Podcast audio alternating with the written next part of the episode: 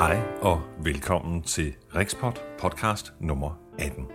Dette er det sidste podcast inden sommerferien, så er du advaret, og min sommerferie den varer altså frem til den 3. august. Men øh, hvad kan du så høre i denne udsendelse? Jo, du kan møde Bjørn Sperling. Bjørn er overlæge på Hillerød sygehus, og hvis man synes, man har hørt navnet før, så kan det være, fordi man har hørt podcastet om kognitive problemer. Jeg snakker med Bjørn om det nyeste inden for forskning, men det er nu ikke det, der kommer med i podcastet her. Det kan du høre over i media. Til gengæld kan du høre lidt om dårlige nyheder om det kognitive genoptræningscenter i øh, Region Hovedstaden. Så kan du få svar på spørgsmål, om man kan dø af sklerose, og om der er relevant medicin til os, der har haft sygdommen i lang tid. Og så kan du høre lidt om, hvad der skal til, før end de kognitive problemer kommer i fokus hos lægestanden og medicinalindustrien. Jeg kommer tit i gåsøjne til at skrive, i dag udføres ikke objektiv undersøgelse tiden brugt på samtale. Okay.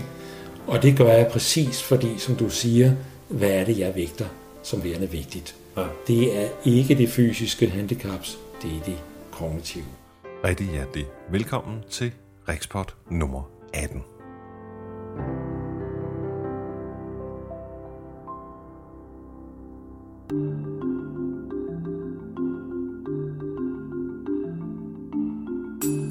Som sagt, så holder Rikspot sommerferie, og det bliver en lang en af slagsen. Jeg er først tilbage igen den 3. august. Og det er altså flere årsager. Den ene er, at jeg netop er stoppet i jobtræning på Reva Center Amager. Og øh, ja, jeg kan sige til dig med sikkerhed, Nej, jeg tror jeg nærmere, jeg vil gøre det sådan. Jeg vil tage en rød sweatshirt på, og så vil jeg pege lidt irriterende på dig, og så vil jeg sige, vi ses ikke i Reva. Øh, fordi det er helt sikkert, det er slut nu. Jeg skal ikke i jobtræning igen, og jeg forventer at få min pension på mandag. Øh, sådan kommer det nok ikke til at gå. Men øh, ja, det var hårdt. Det var, det var rigtig hårdt. Til gengæld var der nogle søde mennesker, men mest af alt var det komplet meningsløst. Nu vil jeg slappe af. Jeg tager til Jylland op øh, og besøger en af mine venner, som har en campingvogn stående ude på en mark foran den bondegård, hvor han bor. Og så skal jeg bare slappe af og klappe heste og hilse på køer og øh, overveje, hvordan man kommer i brusen i meget lang tid. Så farvel. Um, så er jeg travlt med et projekt, som hedder Ny med MS. Det er ideen om, ja, dels er det en hjemmeside, hvorpå der skal ligge nogle udsendelser, som er direkte henvendt til nydiagnostiseret. Og så er det altså også ideen om, at når man får sklerosen, så får man samtidig udleveret sådan en lille iPod, altså en lille MP3-spiller øh, med gode udsendelser på, hvor man kan møde andre med sklerose og måske få nyheden fordøjet på en øh, lidt bedre måde, end bare ved at kigge i en brochure og tale med en læge. Og så det sidste, øh, der skal sådan en kæmpe omorganisering af min computer til. Den skal simpelthen reformateres og bla bla en masse teknisk, men det kommer også til at tage lidt lang tid, i hvert fald hvis man har kognitive problemer. Så ja, jeg får nok at lave i min sommerferie, men øh, først har jeg tænkt mig at daft til Jylland. Jeg kan lige sige omkring sitet, altså omkring hjemmesiden Rexport, at det går stadigvæk godt. Der er en fin statistik, altså omkring 1000-1500 besøgende om måneden. Tallene er ganske flotte, når man tager i betragtning af, at den samlede målgruppe vel kun er på sådan cirka ja, 7.500 mennesker. Uh, nogle af de udsendelser, som uh, er blevet lyttet mest, de er blevet lyttet sådan op til en 1000 gange, og ellers generelt, så når jeg laver et podcast, så har jeg sådan cirka 300-350 lyttere på det i løbet af en måned. Så jeg er meget, meget tilfreds. Og øh, det er med sådan lidt bæven, at det holder to måneder sommerferie, for fordi at der er et begreb, som hedder podfading, som mine kolleger i hvert fald taler om, og det er det der øh, med, at et podcast langsomt mister lyttere, for så til sidst at fade. Men jeg vil håbe, at mine trofaste lyttere stadigvæk er trofaste, også om to måneder. Og øh, ja, så vil jeg bare glæde mig til at øh, komme igen og sige tak for støtten og øh, alle de mange mails, jeg har fået ind til nu. Men altså, jeg har brug for en sommerferie.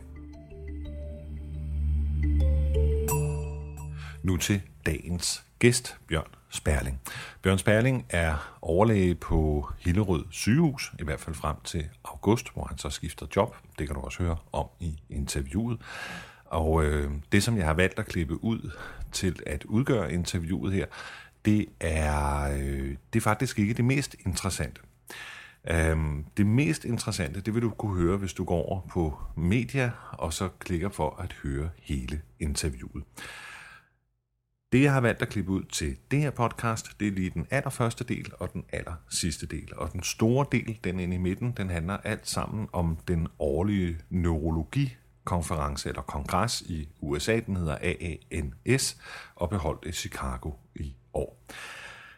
Der kommer Bjørn hjem med en rigtig masse nyheder, som er utrolig interessant, men det er altså også lidt langhåret, hvis du forstår, hvad jeg mener. Altså det bliver meget, meget teknisk og kræver nok, at man har sådan et lidt indgående kendskab til sklerosen og dens mekanismer.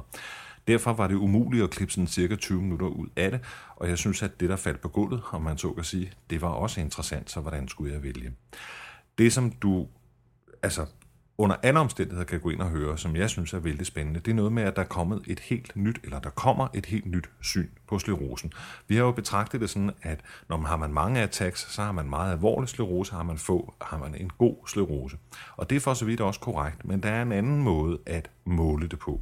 Hvis man måler på hjernens volumen, altså det princip, som også hedder atrofi, altså at hjernen gradvist bliver mindre, det er nu helt normalt, men det er altså mere udtalt hos sklerosepatienter. Jamen så får man et mere præcist billede af sklerosen. Fordi jeg tror, der er mange, mig inklusive, som har haft nogle få attacker, men stadigvæk oplever en gradvis forværing. Og der kan man altså se det på hjernevolumen, på atrofien, altså det, det princip med, at hjernen bliver mindre. Hvis man fokuserer på det her, så vil man også begynde at, øh, og det er man allerede begyndt på, at opfinde medicin, som kan gå ind og stoppe atrofien, og ikke kun attacksene. Og det vil sige, at ja, det er et helt nyt syn på sklerosen, så vi kan godt glemme den der attackvis progressiv og benin og så videre, hvad det hedder alle sammen, de her typer af sklerose, og begynde at tale om en helt ny opdeling af sklerosen og sklerosepatienterne. Det er meget spændende. Men nu til dagens interview, som også er interessant, men øh, altså ikke så langhåret. Jeg startede med at spørge Bjørn, hvordan går det egentlig op på, øh, på Hillerød? Jeg havde jo et initiativ i samarbejde med Hovedstadsregionen om at lave sådan et kognitivt rehabiliteringscenter, altså hvor vi med kognitive problemer kan komme og få noget træning i at få hjernen til at virke bedre.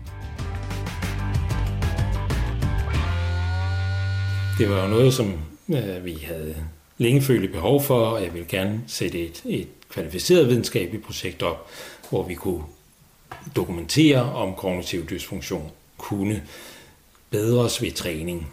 Og øh, det kræver noget tid, og jeg har tidligere haft tid i min stilling til at, at øh, udvikle projekter.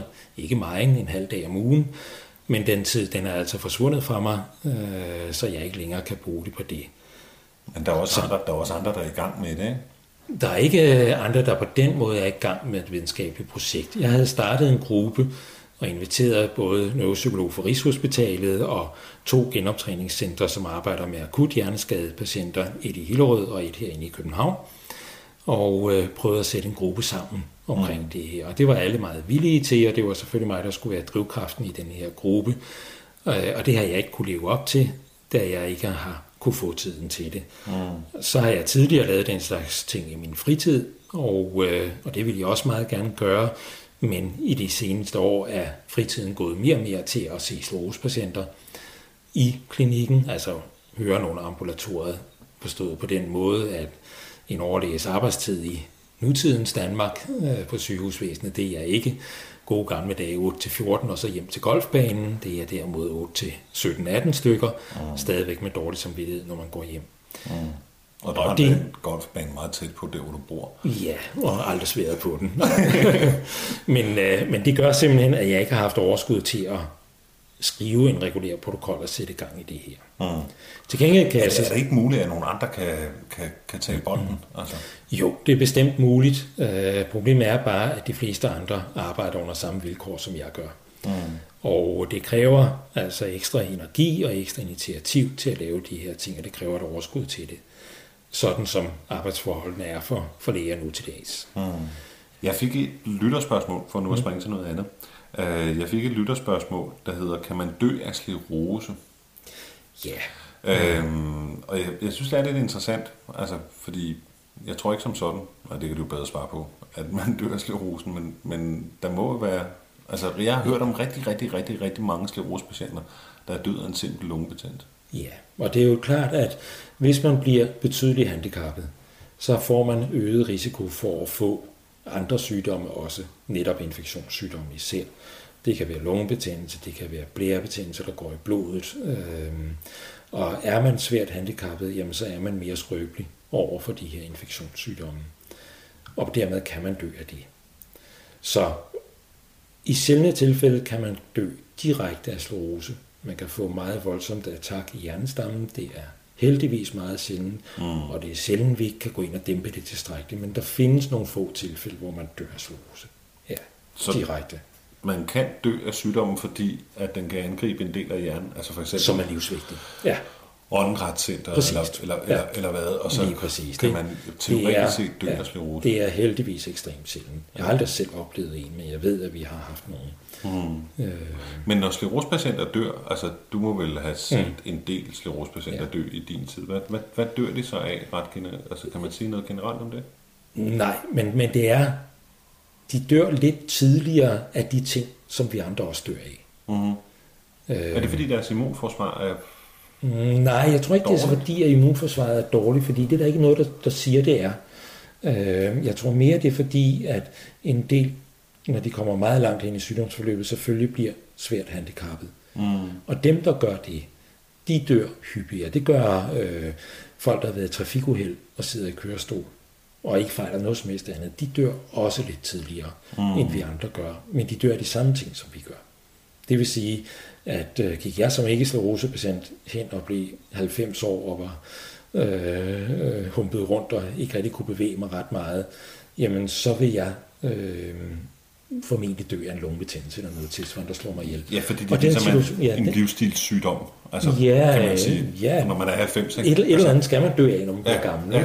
Og, og risikoen for at dø af sådan noget, den, den kommer altså lidt før, hvis man er fysisk handicappet. Mm. Så man dør tidligere, ja, øh, som sklerosepatient. Som gruppe, som helhed. Som, altså som helhed. Ja. Og, og det kan jo også være, at det ja. måske ændrer sig med de nye... Det kan meget vel nå at ændre sig, ja. Et andet lytterspørgsmål, som jeg, som jeg fik, og som jeg også selv har gået og spekuleret lidt på, og så kan jeg bare tage mig selv som eksempel. Jeg blev ikke tilbudt medicin, da jeg fik mit første, eller min første attack her for, mm. for 14-15 år siden, er det vel efterhånden. Øhm, vil der være noget af al den medicin, som er på markedet nu, som vil være relevant for mig? Altså, jeg, jeg har jo lært at leve med min sygdom, og synes næsten, at mm. det, det går fint det her. Ikke? Altså, ja. Det går langsomt ned ad bakke, og det er okay, og det kan jeg godt ja. tolerere. Vil der være noget af den medicin, som er på markedet nu, eller kommer på markedet nu, der vil være relevant for mig? Altså, vil det kunne bremse den yderligere ned ad bakke-agtige ja. udvikling? Øhm, det vil kræve yderligere undersøgelser. Det er jo sådan, når et medicinalfirma finder noget nyt, så vil de gerne have det igennem så hurtigt som muligt. Mm. Øh, det vil vi selvfølgelig også gerne som læger se nogle resultater her nu. Det vil sige, at man tager det, man kan måle på, der er lettest at måle på. Mm. Det er takker, og det er den her atrofi, altså mm. tilbage, tilbagedannelse af hjernevævet, øh, og det er de sådan eklatante øh, øh, nye handicaps, der kommer hos en patient. Mm. For at have så stor hyppighed som muligt af dem vælger man nye patienter med aktiv sklerose. Ja, det er jo mest interessant. Ja, det, der vælger man dem, fordi der kan du hurtigere vise en effekt af en ja. aktiv behandling forhold til en ikke-aktiv behandling. Mm. For at vise effekt på din, dit stadie af sygdommen, mm. eller det vi kalder primært progressiv sklerose, så er man nødt til at følge... Ja, eller, også, eller også er benin, det ved jeg sgu ikke. Ja, eller benin sklerose for den sags skyld. Så er man ja. nødt til at følge i meget længere tid, med meget større grupper ja. for at finde forskellen. Mm. Det koster afsindig mange penge og kræver rigtig mange patienter. Og derfor bliver det ikke gjort. Og derfor er det meget svært at få det gjort. Ja. Ja. Men kan jeg selv gøre noget? Altså, kunne, kunne jeg... Øh, kunne jeg øh, mm. så kan man sige, kunne man så ikke bare tage noget af det andet? Nu er vist ved det ene, kan det så ikke virke ved det andet. Mm. Men der er det jo så sådan, at de her nye, meget aktive stoffer, der kommer, de er ikke uden bivirkninger. Mm. Så ligesom vi snakkede om før med, med mange D-vitaminer og anden form for behandling, man er nødt til at lave den her videnskab, før man går ind og gør det, for der kan være negative effekter. Der er dem, der siger, altså nu, nu er min type af sklerose, og vel sagtens også mange mm. lyttere, øh, tror jeg, øh, lider af den samme form for sklerose, som jeg gør. Altså det, det hvor man ikke mærker så meget på det fysiske område, mm. men vældig meget på det kognitive. Mm. Øh, sådan en ting som Modioldal eller et eller andet, vil, vil det ikke være et stof, man skulle overveje? Jo, altså man kan jo bruge det i hvert fald som symptombehandling. Mm. Det vil sige, at man... man men, det, men det stopper ikke den der proces i hjernen, hvor... hvor ikke som vi ved det på nuværende tidspunkt, nej. Mm. Øhm, men det er helt klart, at der er et meget stort, ikke nok opdyrket forskningsområde der. Mm. Men man kører projekter for øjeblikket også, og vi hørte også om nogle enkelte af dem over i, i på AN, hvor man prøver at kigge på den her mere ikke attack-dominerede del af sygdommen, og se om man kan påvirke det. Man prøver også at, køre en, eller man har lavet en helt række dyreforsøg, hvor man viser stoffer, som er med til at genopbygge nervevedet, altså kan sørge for, de nerveceller, der overlever, kommer til at fungere rigtig godt igen. Øh, og flere af dem overlever. Blandt andet sådan noget som erythropoietin, mm-hmm. altså cykel øh, ja. øh, stoffet. Tour de France. Tour de France stoffet, ikke? Ja. ja. øhm, og den type stoffer kunne man måske forestille sig kunne komme ind og virke. Men hvad skal der til før, at, at, at medicinal, altså fordi der er jo en aftagergruppe, der, der vil jo mm. være nogle patienter, som vil have stor glæde af det, og, og øh, de vil også smække nogle penge til medicinalfirmaen. Ikke? Hvad, hvad skal der til før en medicinalfirma lærer skleroseforeninger for den sags skyld, øh, for, for øjnene op for det, som når man spørger sklerosepatienter, er det mest invaliderende og den mm. største årsag til, at de forlader arbejdsmarkedet, nemlig de kognitive problemer. Altså, hvordan får vi mere ja, fokus tror, på det her? Jeg tror, at medicinalfirmaerne er 100% klar over det her. Mm. Problemet er, at vi skal have nogle metoder til at måle det, som er øh, sikre, ja. og som kan gentages og kan dokumenteres, at det her virker. Før der kan de ikke få godkendt noget medicin. Før der kan de ikke køre et projekt relativt hurtigt igennem, øh, og så begynder at få det ud på markedet. Mm. Og der er vi kommet rigtig langt med MR, og det er stadigvæk under udvikling, hvor vi blandt andet må med MR-scanning, magnetscanninger, ja. øh, hvor vi får bedre og bedre magnetscanninger, og især bedre og bedre programmer til at regne på de her ting. Hvor man for eksempel kan kigge, som vi snakkede om før, på hjernebakkens ja. tykkelse. Og, og det vil sige, nu kan vi endnu bedre gå ind og kigge på øh, hvordan påvirker en given behandling mm. hjernebarkens tykkelse, beskytter den hjernebarken. Mm. Og på den måde kan vi komme tættere på noget, som virker på de vigtige områder, nemlig det kognitive. Men det er stadigvæk sådan, når man så snakker generelt med læger, jamen så bliver vi ved med at snakke attacker. Ja.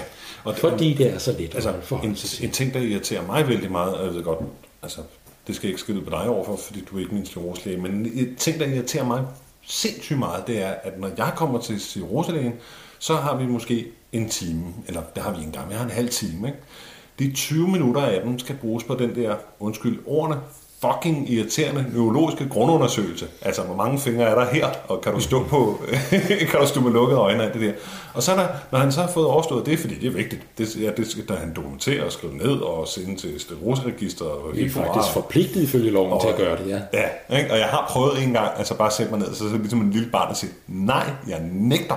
altså, jeg vil bruge den her halve time på at forklare om, hvordan jeg har det. Øh, når man så er der så måske 10 minutter til års, og så er det det geniale spørgsmål, som er jo fuldstændig uspecifikt. Nå, hvordan går du så rundt og har det agtigt? Ikke? Ja. Øh, og, og der kommer så det kognitive ind, og der siger man sådan nogenlunde, hvordan man har haft det de sidste 14 dage. Og tit og ofte, fordi nu er jeg bedt om agtindsigt, tit og ofte bliver det ikke engang skrevet ind i journalen. Nej. Så det vil sige, hvordan helvede skal vi få dokumenteret de her kognitive problemer, sådan at, at, altså, at vi kan råbe nogle mennesker op om, at nogen, der skal gøres noget omkring det her. Ikke?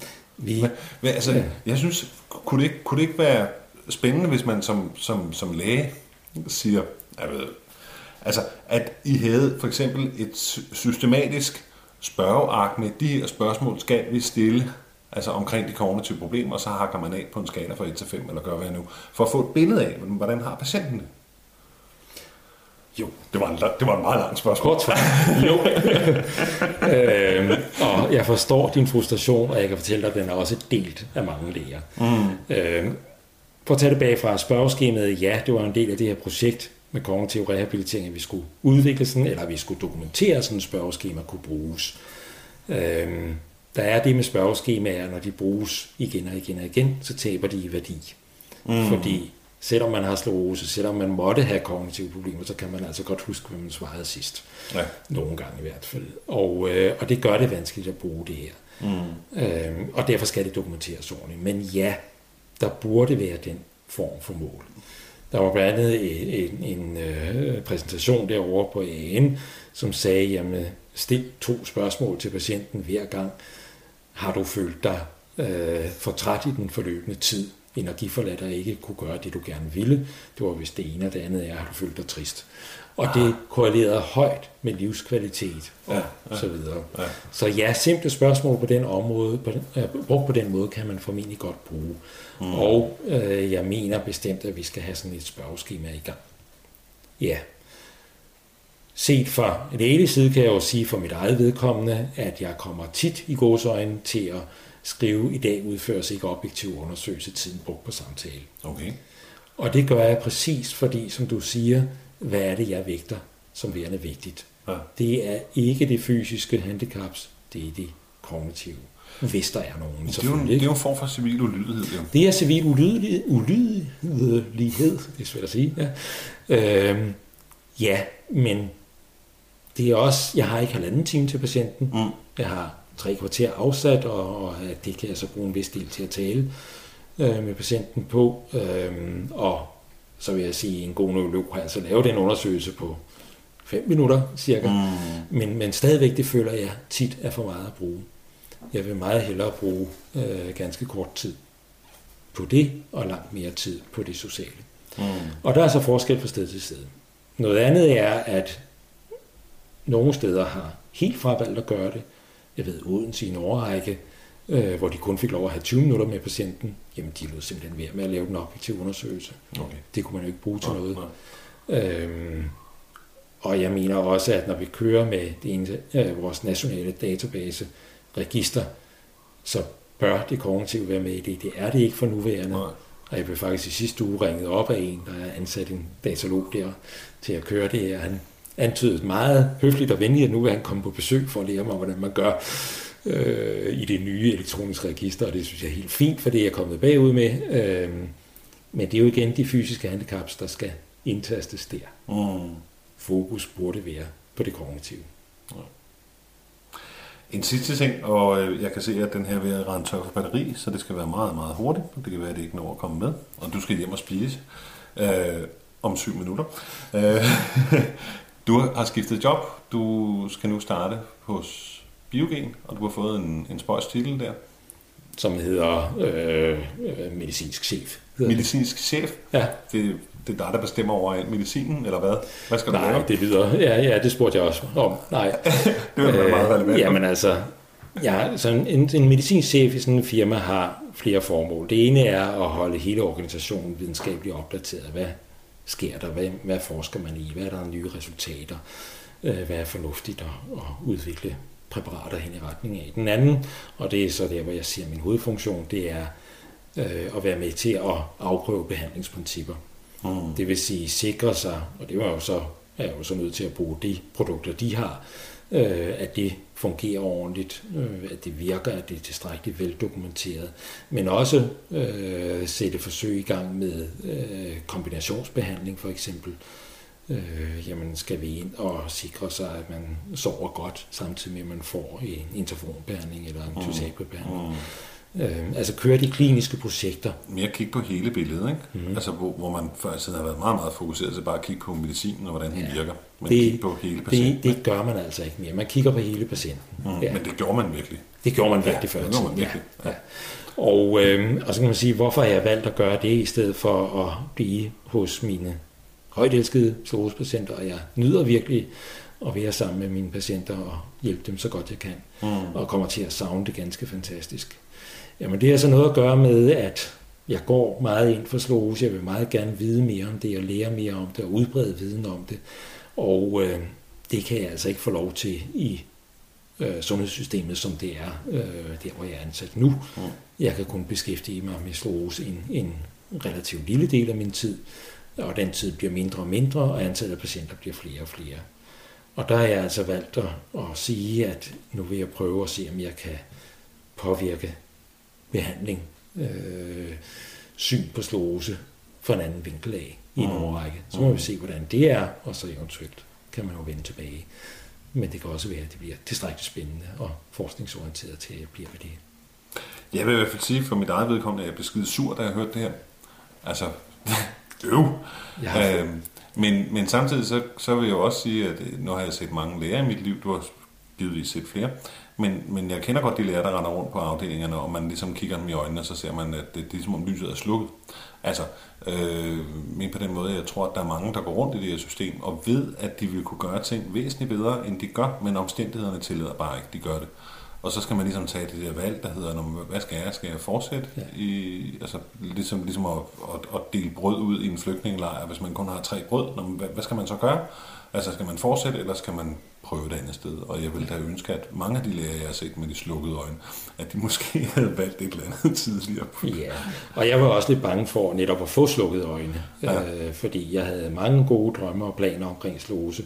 Klinikken op i Hillerød, og... Mm. Øh, og også mere end en drømme, men altså konkrete udvikling i gang. Og, øh, og der er simpelthen ikke overskud i sundhedsvæsenet til at få lov til at gøre det. Ja. Og jeg glæder mig lidt til at prøve at komme over i en organisation, hvor hvis jeg kommer med en idé, der er fornuftig set ud fra behandlingsmæssigt synspunkt, udviklingsmæssigt synspunkt, øh, bedring, livskvalitet for patienter osv., og få at vide, ja, det lyder der alle tider, i stedet for at få at vide, nej, det kan det desværre ikke blive råd til. Vi er nødt til at prioritere, vi er nødt til at behandle alle patienter. Øhm, det er vilkårene i, i dagens sundhedsvæsen, at der er meget mm. begrænsede muligheder vi må se, hvordan det går. Jeg vil ønske dig held og lykke med jobbet i hvert fald, så vil jeg interviewe dig igen om et år og se, om du er blevet spist af Darth Vader eller The Dark Side. Det er jeg rigtig spændt på, og det glæder mig rigtig meget til at melde tilbage på. Det vil det jeg godt. gerne gøre. Ja. Godt. Du skal tak for, du med med. Selv tak.